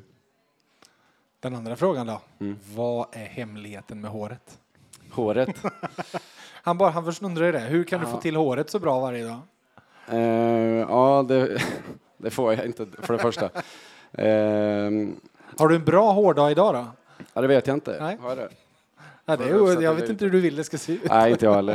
Eh, men eh, jag kanske brydde mig mer för men eh, nej, jag, har, jag har inga hemligheter. Jag använder det där skitvaxet som står vid duscharna på ishallen och det funkar på vissa och vissa inte. Jag har som sagt lyssnat runt lite innan ni skulle komma hit eh, och det var en som sa det här. Du måste fråga Magnus, men lite galghumoristiskt får vi väl säga. Hur många benpipor var det egentligen som, som hade gått av där i, i våras? Det var benpiper, det är benpiper överallt, ska du ha sagt när du ringde hem. Aningen kanske påverkad av lite smärtstillande mediciner. Jag misstänker att Mattias Hell ligger bakom någonting. Nej, kan det, återigen så kan ni ju inte avslöja, det är källskydd och så vidare. Ja, ja, men det var i alla fall han jag ringde till. Eh, och Det var du som sa. eh, eh, vill du höra den sanna storyn? Ja. Ja, jag ringer till Hell och ska förklara och han svarar Nu har det gått åt helvete. Varpå jag sa ja, nu är det benpiper precis överallt. Så att så, Så så, var. Så det. överdrivet var inte Nej, mitt citat liksom. Men ja, det hade ju gått åt helvete och de benpipor man har, de var ju precis överallt så att det var väl egentligen ingen överdrift heller. Men jag har ju inte så många fler än två. Så att eh, ja, det var två benpipor överallt. Ja. Hur stolt är du att du sitter här idag och faktiskt har gjort comeback och faktiskt spelat liksom match på riktigt? Ja, jag får faktiskt lite rysningar när du säger det. Jag trodde inte att jag skulle eh, ha spelat redan. Det har gått lite i vågor. När jag låg på sjukhus i Davos så tänkte jag så här, ja, ja. Får, det var ju så här det blev och så får vi blicka framåt nästa säsong. Och sen så kommer den där nya säsongen alldeles för fort liksom. Det bara springer iväg och man har hur kul som helst och man är, man är glad över att vara hemma och allting, den omställningen funkar bra och sådär. Och sen släpps pucken någonstans liksom och så är man ju inte med och så känner man att fan, det här, jag har en bra bit kvar liksom. Eh, ja, sådär. Och sen så tänkte jag att eh, med Hell framförallt då att vi börjar trycka på mer och se vad som händer för det kommer ju aldrig gå av på samma ställe igen för där sitter det ju gängskruv. liksom. Eh, så, ja, så börjar vi pusha hårdare, ännu hårdare och eh, se if, ja, går det eller går det inte, vad händer, hur reagerar benet och då svarade det bra på det. Så då kände jag så här, nu kör jag fullfartsträning och det är ett bra lag jag spelar i så kan jag hantera dem så borde jag kunna hantera en match. Och då, tröttnade Mitell på att se mig i gul tröja och så ja, blev det så. Så det var väl eh, lite skräckblandad förtju eh, förtjusning, eller vad säger man? Eh, men det funkar bra och det känns bra och jag, liksom, benet reagerar inte på något konstigt sätt. Så det är, eh, ja, jag tänkte att spela på torsdag och framöver. Jag har ju hängt en hel del ute vid rinken senaste månaden och tänkt mer än en gång. Jag har ju frågat er någon gång, liksom, ja, men hur går det? Och så vidare. Jag är långt ifrån ensam om att ha ställt frågan. Varje gång du har gått av så har det liksom kommit, ja, alla som nu har sett dig, mm. när du har vandrat i korridoren har kommit, hur känns det? Hur går det? Och så vidare. Hur har det här känts inombords? För jag menar, du kommer hem till klubben som betyder så himla mycket för dig och du vill visa dig och så kommer du hem på det här sättet, liksom i början. Liksom. Ja, men det, även det har ju gått i perioder. Jag har ju tänkt att, som sagt, jag kommer hinna bli fräsch och sådär. Det är ju liksom, den där frågan dyker upp precis överallt. För alla eh, ställer den ju. Och det är ju på ett sätt rimligt att man ställer den. Det är ju av omtanke också. Liksom. Ja, men så är det ju. Men när dagislärarna ställer den så blir man så här, ta min unge nu liksom, mm. så ska jag åka och fixa det här jävla benet, så blir det bra sen. Men, men det, är ju, det är ju som sagt bara kärlek och eh, för det första så värmer det otroligt mycket hur många det är som eh, bryr sig, eh, hur mycket vi som förening engagerar och, och liksom eh, Ehm, ja, det är ju, Färjestad har ju nått någonting som vi inte nådde när jag var här sist. Och jag hoppas vi ska vara jävligt rädda om det liksom och bevara det här sjukt fina intresset som finns. Eh, och eh, i det här ja då, som jag håller på att linda in mig nu, ska jag försöka svara på din fråga, så, så är det ju eh, ja, det, det har varit svårt liksom. Här, när ska jag bli klar och vad ska jag svara alla de här? Det har jag haft en måndag som känns fantastisk och en tisdag som känns helt åt helvete liksom. Så det, men jag har ändå svarat så här, det känns bra, vi gnuggar på, vi, det går åt rätt håll och sådär. Till slut så är man ju inte smartare än att man lurar i sig själv i det där också, så känns det ju ganska bra efter ett tag ändå. Så. Allt är relativt, det hade kunnat varit fan så mycket värre. Nu är det trots allt ett ben, så det är liksom, ja. Men eh, ja, nu tittar vi framåt. Om du tittar framåt, då, den backpartner du har parat samman med är här i början när, jag, när du har varit redo för spel, är Jonathan Andersson. Mm. Det känns som att utifrån som att ni har egenskaper som kompletterar honom väldigt bra. Känner du själv så?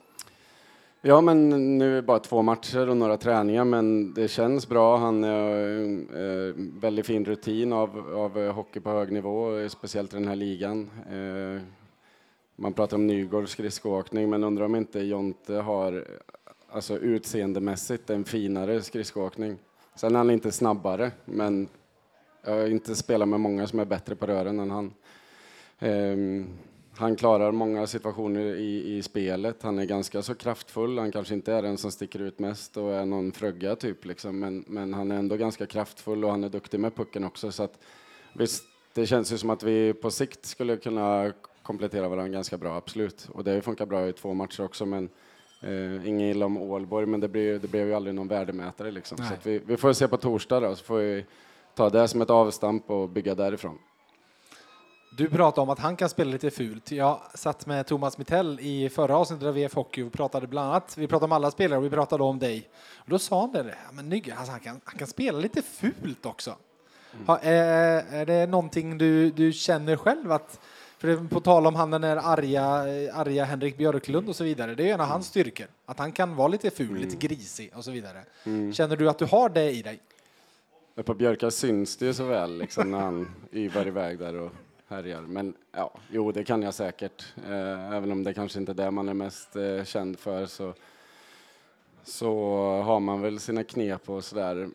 Alltså man, ja, så här, om man spelar mycket så ges det ju sällan varken tid, kraft eller energi till att åka runt och proppa hela tiden för då, då kommer man inte orka spela 20-25 minuter. Så att det är ju en anledning till att, att man liksom inte blir den typen av spelaren heller.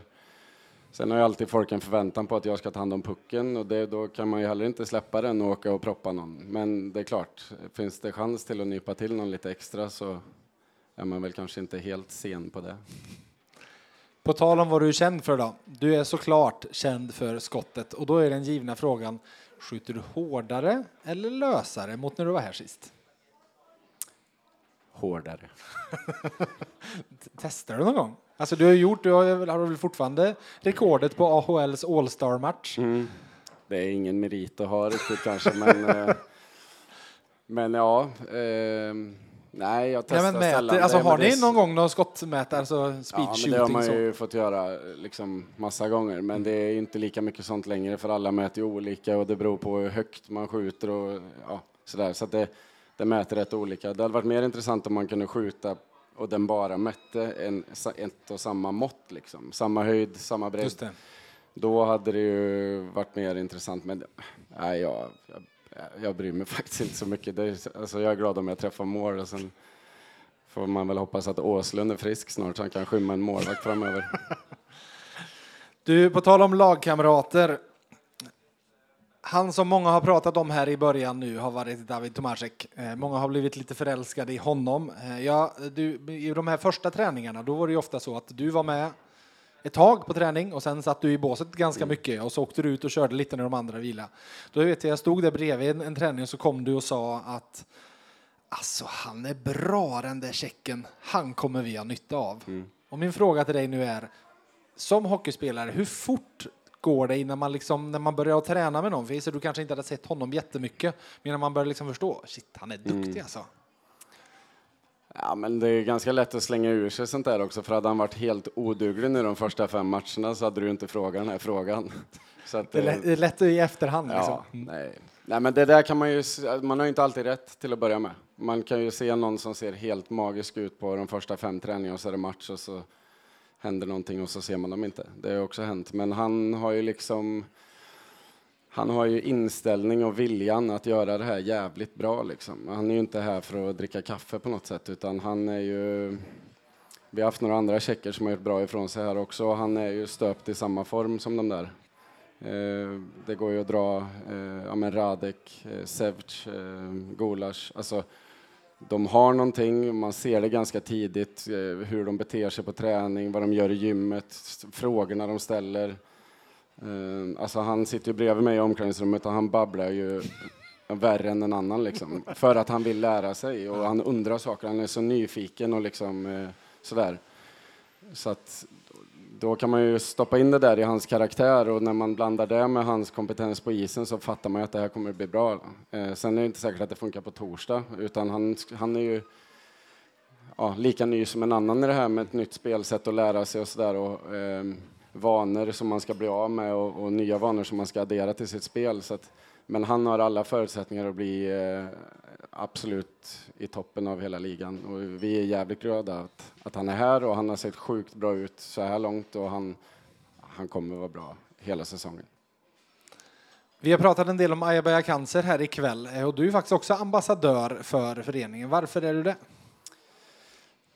Ja, för, ja, det är solklart om någon tycker att jag kan företräda den organisationen på ett bra sätt så är det ju liksom, det finns ju inget som är mer hemskt än sjuka barn. Eh, så, ehm, ja, man blir, jag blir lite tagen varje gång jag pratar om det här och liksom det är, eh, det är något jävligt fint i, i det vi gör och det är tunga stunder och det är fina stunder och det är liksom allt blandat men varje krona vi får in går ju oavkortat till de drabbade familjerna och det är liksom, ja, det är hela meningen på något sätt. När man träffar dem så känns det som att man vill ge ifrån sig allt man har själv också men eh, då hade det ju inte funkat för en annan så det är ju, ja, men vi kämpar hårt i alla fall.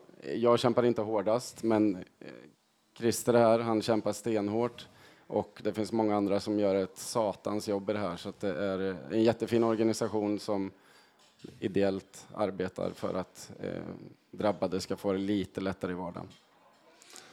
Och vi ville kolla lite där nu. Har alla som ville vara med i tävlingen med de signerade VF Hockey-kepsarna så se till att Christer går en vända här. Så se till att ni samlar in, ni som har, så ni ser till att ni är med i utlottningen sen. Med det sagt så säger vi nog att vi tar lite händer mot varandra igen och säger stort tack till Magnus Nygren. Tack!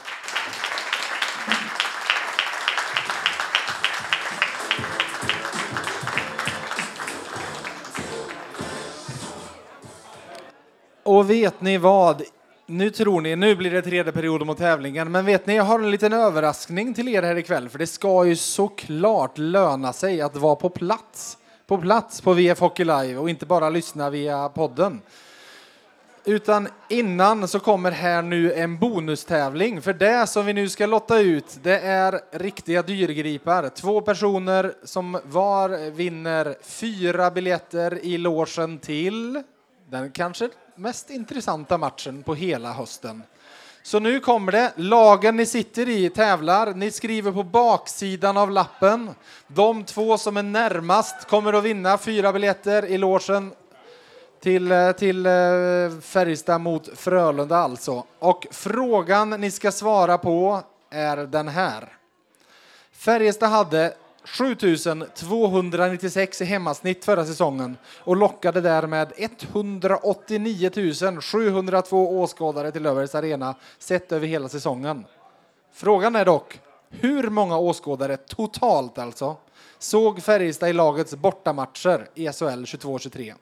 Det var 189 702 totalt på hemmamatcherna. Vad var den totala publiksiffran på alla bortamatcher? Grundserie, grundserie. 26 matcher. Och där vill jag att alla lägger ner pennorna.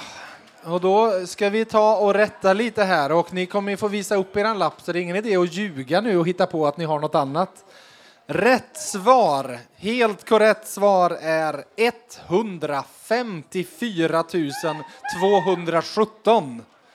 Och då undrar vi, där är det några som är väldigt nära. Hur nära är vi? Varsågod, fyra biljetter dit, men vi ska ju ta en vinnare till. Har vi någon till som är inom 5 000 från rätt svar, alltså från 149 000 till 159? 157. Är det någon som slår undrar vad har ni där? Ja, och då är 157 närmare. 156 där. Då har vi vinnare där nere och där. Stort grattis!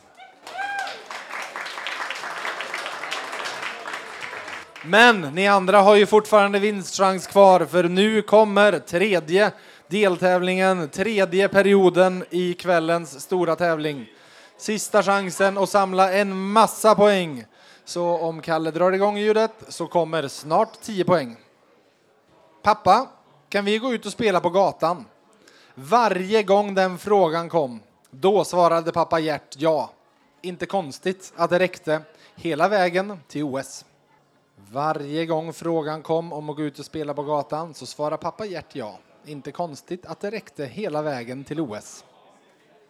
På åtta poäng. Hammarö HC är moderklubben. Därefter har det blivit spel i fem andra klubbar innan flyttlasset till sist gick till Färjestad. Hammarö HC moderklubben. Därefter har det blivit spel i fem andra klubbar innan flyttlasset till sist gick till Färjestad. Vi går vidare till sex poäng. En riktig målskytt, snarare än en som murar igen bakåt. Gjorde 60 poäng den gångna säsongen, bara i grundserien. En riktig målskytt, snarare än en som murar igen bakåt. Gjorde 60 poäng den gångna säsongen i grundserien. Det funderas på många håll. Ni får några sekunder till innan vi tar fyran. Men där får det räcka tycker jag. På fyra poäng. Spela under 21-22 både VM och OS för Sverige. Med andra ord en riktig prestigevärvning för Färjestad samma vår. Spela under 21-22, både VM och OS för Sverige. Med andra ord en riktig prestigevärvning för Färjestad samma vår. Och där går vi ner till två poäng som gäller från och med nu. Spelande sportchef i det Färjestad som jagar uppflyttning till SDHL. Spelande sportchef i det Färjestad som jagar uppflyttning till SDHL. Och kan ni det inte nu, då kan ni det inte. Så då tar vi och lägger ner pennor och tittar på skärmen för tredje och sista gången den här kvällen. Där har ni henne i grönt. Emma Muren. Det kan vara värt en applåd, det tycker jag verkligen. Inför OS senaste så gjorde vi en massa reportage i VF och då berättade pappa Gert att varje gång Emma hade ställt frågan pappa kan vi gå ut och spela på gatan? Varje gång hade han sagt ja.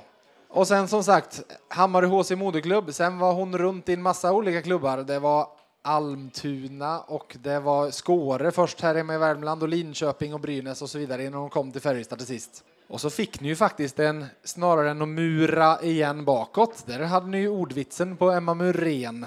Sen 60 poäng gångna säsongen i grundserien och sen har spelat både VM och OS för Sverige och så vidare och så vidare. Vi hoppar vidare till följdfrågor och på fråga A. Julia Pettersson gick den gångna säsongen upp i ledning i flest antal mål, gjorda mål genom tiderna i Färjestads damlag. Hon har gjort 83 på 153 matcher. Hon passerade därmed en spelare som hade gjort 80 mål på endast 42 spelade matcher. Vad heter hon? Alltså, vem gick Julia Pettersson förbi? Hon gick förbi en spelare som hade gjort 80 mål på 43 spelade matcher. Och så ser ni då andra frågan också. Nu blir det lite specialfråga, för på tal om mål och poäng. I SHL-premiären i fjol så mötte ju Färjestad Leksand hemma och vann med 3-1. Nu vill jag att ni ska nämna fem spelare som gjorde poäng för Färjestad i den matchen i SHL-premiären.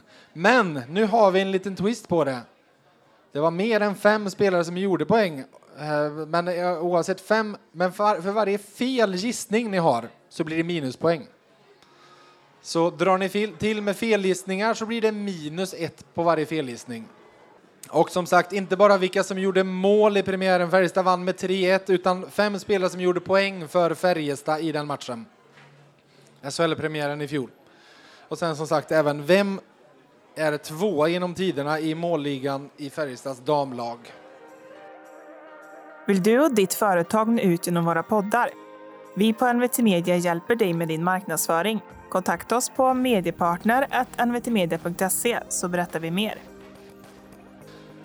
Se till nu att rätta allting så kommer vi efter fjärde gästen att gå igenom vem, vilka det är som har tagit hem tävlingen. Jag kan säga att 50 poäng är max för man har haft alla rätt. Så det är där ni, ni eh, om ni varit helt prickfria så ni landar på 50.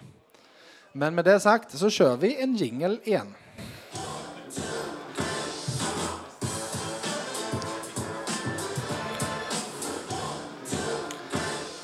Han gick från petad till en av SHLs hetaste målskyttar andra delen av förra säsongen. 20 år ung ska han nu inleda sin sjätte säsong i Färjestad. Välkommen för första gången till stora VF Hockey. Högerskytten med det smittande lenet, Fagertas stolthet, Lukas Forsell.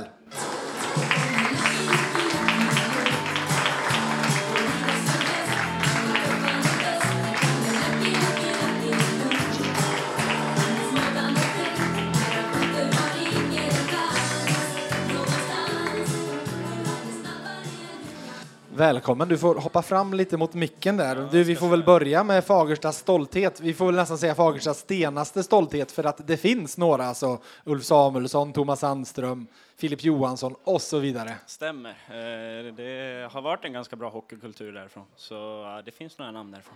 Filip Johansson skiljer inte så många år, så vi får nästan, är det uppväxta ihop på något sätt så? Eh, man kan säga att jag har vuxit upp väldigt nära Filip. Eh, jag är bästa vän med hans lillebror. Ah. Eh, så jag har varit den här jobbiga lillebrorsans kompis som har hängt och hemma hos han hela tiden. Jag har verkligen vuxit upp med Filip. Eh, har gått i samma klass som hans lillebror i alla år fram tills vi gick ut eh, ja, nian då, och jag flyttade hit. Så han har jag vuxit upp med vi kan säga då var det mer prestige än vad vi visste ja, i kvartsfinalserien. Alltså det var så stor prestige att det var, det var nej, det var jättemycket. Man, I alla fall jag. jag varje gång jag såg honom på isen ville jag bara köra över. Det var så... Den här gången drog han längsta strået. Du, du ska få inleda som alla andra gäster. Du får magiska krafter och får välja en egenskap från en lagkamrat som du kan ge dig själv. Du får inte välja Joakim Nygårds skridskoåkning. Vad väljer du? Magnus Nygrens slagskott. Ah, fint där. Du får välja en valfri SHL-spelare och plocka till Färjestad nu kan du inte bli Filip Johansson för nu får vi väl säga att han är över i Nordamerika. Ja, exakt. Eh, eh, som ska spela SHL den här Mm. yes. säsongen. Någon som är här nu i höst. Eh, då tar jag nog... Svårt. Men Patrik Karlqvist då. Patrik Karlqvist. Mm. Vad måste du göra inför varje match? Eh, ta en eh, kalldusch och lyssna på musik innan jag åker till hallen. Vad lyssnar du på då? Rap. Rap. Mm. Om du skulle satsa på att nå elitnivå i en annan idrott från och med imorgon, vilken blir det? Golf. Golf. Mm. Är det bra eller? Nej, det skulle jag väl inte säga, men jag försöker väl. Jag försöker se bra ut. Ja, Jag okej. har köpt lite nya Bra golfkläder. stuk. Ja, exakt, det är det viktiga. Så, nej, golf. Handen på hjärtat, vad är det fulaste du gjort på en hockeyrink?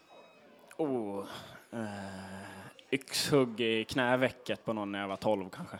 Det var, det var Varför? extremt. Eh, jag vet inte. Jag blev arg på honom. Jag minns Det brann vad till. Ja, jag vet inte vad det var som hände, men det är nog det fulaste. Till sist då, du är strandad på en öde ö. Vilken lagkamrat plockar du med dig för att överleva och ta dig därifrån? Och vem plockar du absolut inte med dig? Vem jag inte plockar med mig kan vi börja med. Eh, alltså, jag, jag vet inte vem jag inte plockar med mig. Är det någon du tror skulle passa riktigt, riktigt illa på en öde? Nej, Jag tror nog inte att det är någon som passar riktigt illa. Alla är ganska städade i laget Ja. upplever Ehm, Men jag hade ju tagit med mig Axel Bergqvist i alla fall. Ja, andra gången. Ja, men han Ja. är, han är jägare och kan fixa föda och sådär. Ehm, men jag säger nu, jag tar inte med mig Joel. För eh, han hade bara dumförklarat mig när jag inte vet hur man gör och saker. Han, han tycker man ska kunna allting. Ja, nej, men jag tror han mer tycker att jag är ganska korkad. Ja. Så då säger jag Joel. Den uppmärksamme lyssnaren eh, kanske tänkte på att jag glömde en sak med eh, Magnus Nygren. Vi gick aldrig igenom vilken stafettfråga han hade till dig. Han svarade ju bara på Jeremy Grollos. Men det klickar till här i mobilen så att vi, vi läser väl. Min fråga till Lukas Forsell. Vad tycker du egentligen om ekonomichefen Micke Olsson? Han sitter där.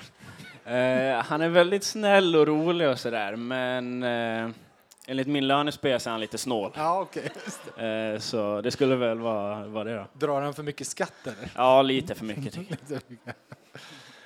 Du Lukas, har du någonsin haft ett skottläge du tänkt nej, härifrån är det faktiskt ingen idé att skjuta?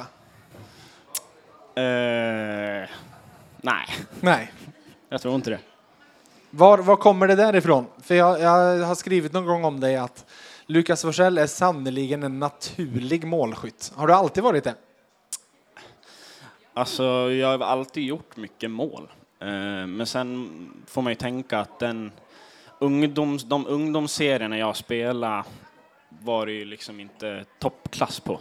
Eh, men eh, jag vet inte, det kommer nog därifrån att Alltså jag tror att spelar man mot motstånd som man alltså sätts i offensiva lägen, då lär man ju sig alltså mönstret av det.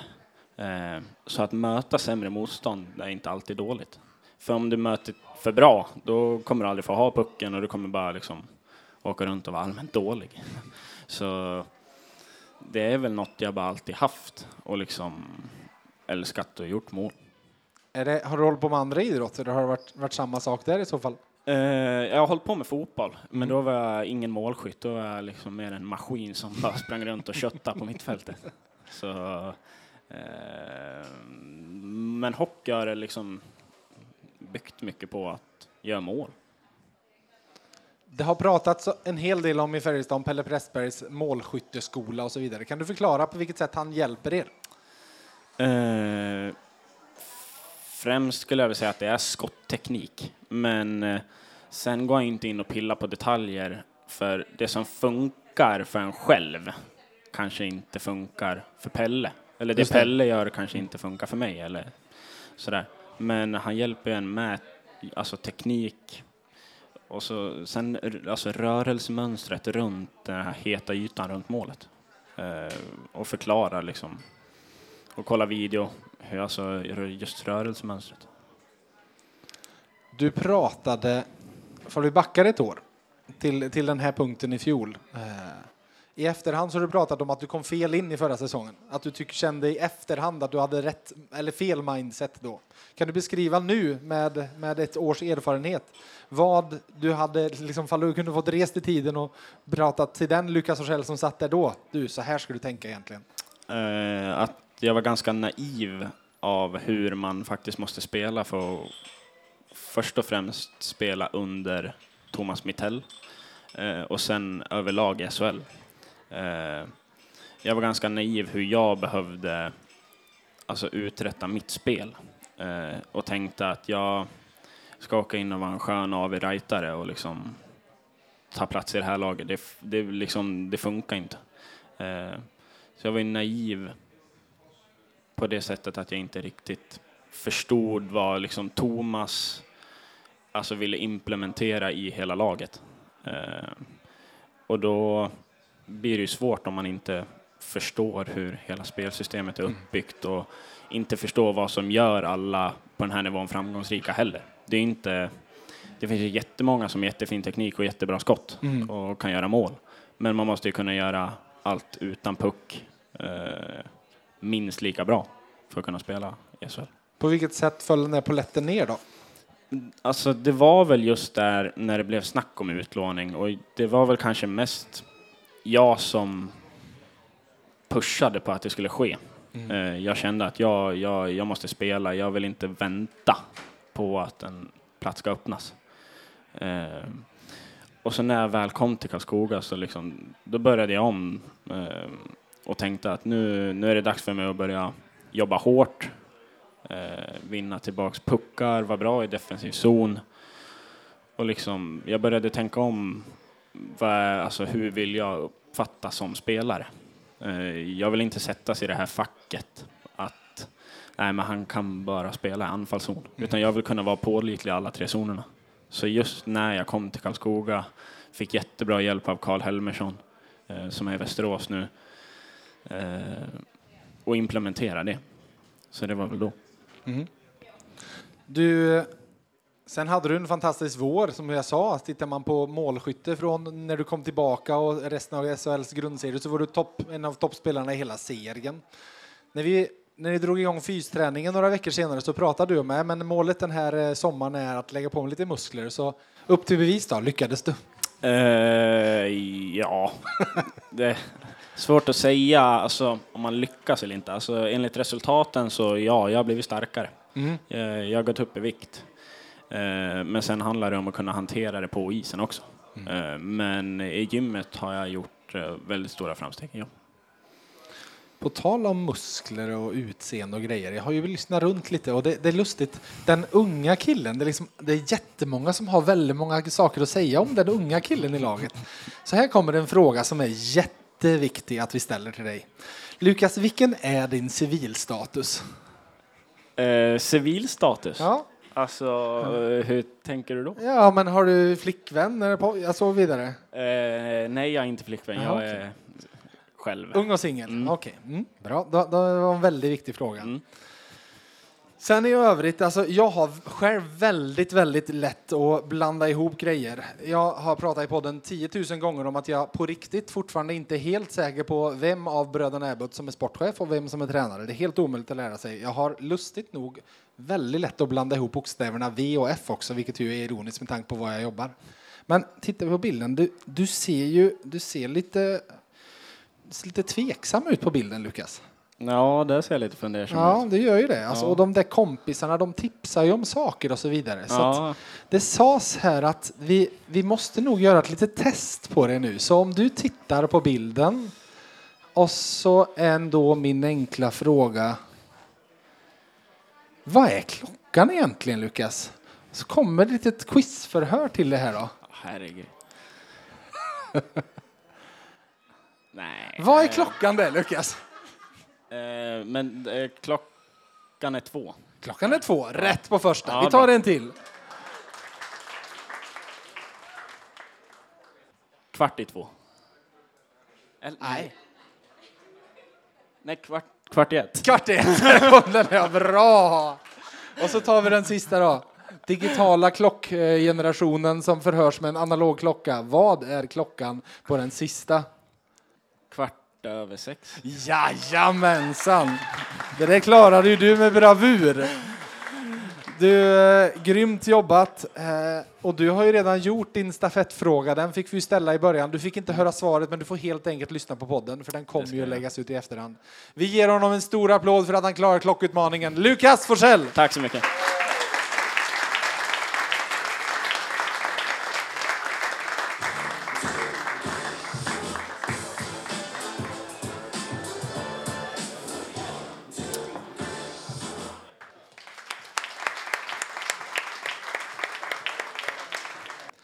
Hoppas ni har haft lika kul även i år som jag hade denna gång. VF Hockey, vi dundrar vidare hela hösten. På måndag är det start för veckans lagpodden. Och därefter så kommer den här versionen där jag sitter ner med gäst och pratar varannan vecka hela vintern. Men nu, nu tar vi kvälla och tills vi hörs igen får ni alla ha det så gött.